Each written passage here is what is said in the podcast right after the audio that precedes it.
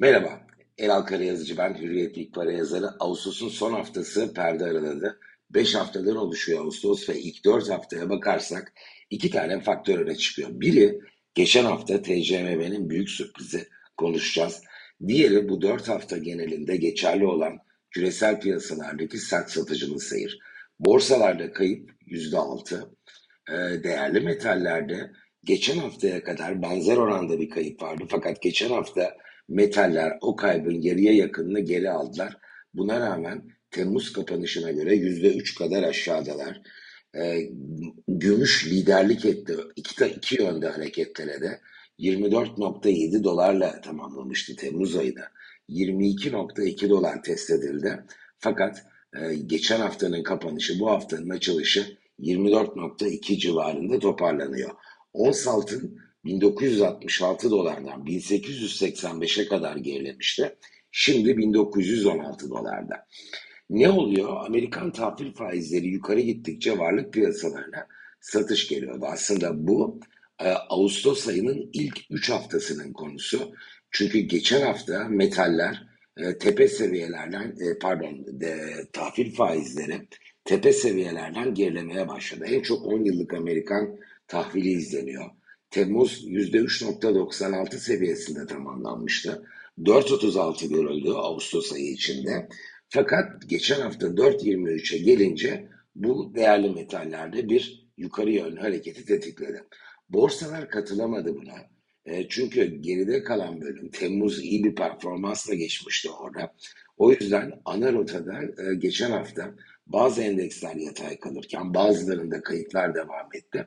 Fakat yeni haftadan itibaren ben tahvil faizlerindeki bu aşağı yönlü seyrin devam etme ihtimalini daha yüksek buluyorum ve borsa endekslerinde de bir yön değişikliğiyle karşılaşabileceğimize geride kalan 4 hafta geçerli olan aşağı yönlü hareketin yerini yukarı yönlü bir seyre bırakabileceğini düşünüyorum.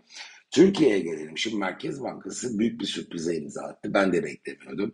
Birden politika faizine e, sert bir şekilde yukarıya çekti. E, herkes yüzde yirmi olur diye düşünürken politika faizi 25 ileri dönük rehberlikte de e, faiz arttırımlarının devam edeceği mesajını verdi. Şimdi eylemle desteklendiği için mesajların da bir etkisi var. Ve geçen hafta Türk lirası prim yaptı. Hem dolar hem euro bu gram altına da yansıdı. Sert şekilde aşağı geldiler. Şimdi Ağustos e, ayının e, ilk 3 haftasında ılımlı yukarı yönlü bir seyir vardı döviz kurlarında. Fakat geçen hafta dolar 27.1'den 26.5 dolara geriledi. Bir ara 25.3'te test edildi. Euro'da da %3'lük bir kayıp görüyoruz. 29.50'den 28.65'e. Bence yurt dışında trendin e, pozitife dönme ihtimali daha yüksek. Bunu bu hafta da görebiliriz. Ama en kötü ihtimalle ben Eylül ayı içinde belirgin şekilde varlık piyasalarının olumlu bir seyre yöneleceğini düşünüyorum. E, bunun Türkiye adına iki ayrı cepheden bakalım yansımaları nasıl olabilir diye.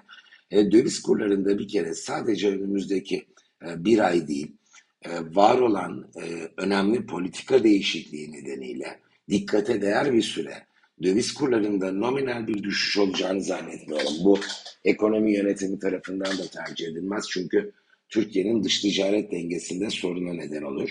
Fakat e, önümüzdeki süreçte enflasyondan daha az artan ve TL mevduatın sağladığı TL getiriden daha sınırlı bir performansa imza atan seyir bence döviz kurlarında yaşanabilir.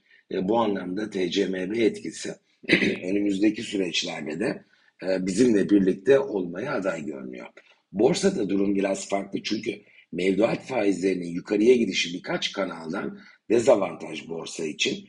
Bir, hisse senedi yatırımı yapmış ama mevduat okyanusundan gelen, mevduat cephesine duyarlı olan kitle e, bir parça hisse senedi yatırımlarının ağırlığını azaltabilir ve mevduata geçiş yapabilir. İkincisi bu okyanustan, mevduat okyanusundan yeni yatırımcı girişleri adına da güçlü bir frenleyici faktör olabilir. E, yüzde 40 civarına gelen mevduat faizleri. İkincisi bu Türkiye'de büyümeyi yavaşlatmaya aday.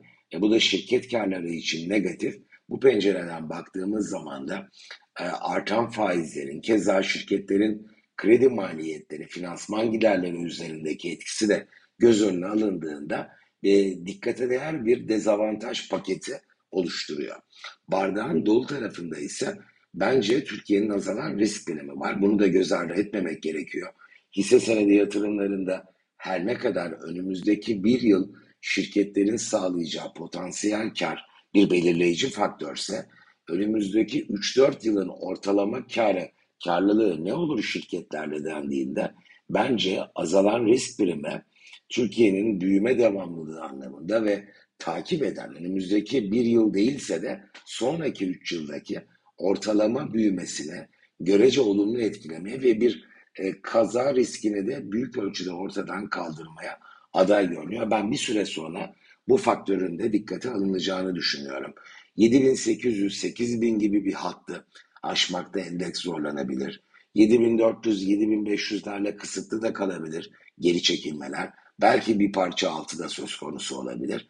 Ama şu bir gerçek eğer dış piyasalarda biz olumlu bir seyir görürsek bu BIST'te 6500 puana kadar sürebilecek bir geri çekilme riskini de büyük ölçüde azaltacak, belki ortadan kaldıracaktır.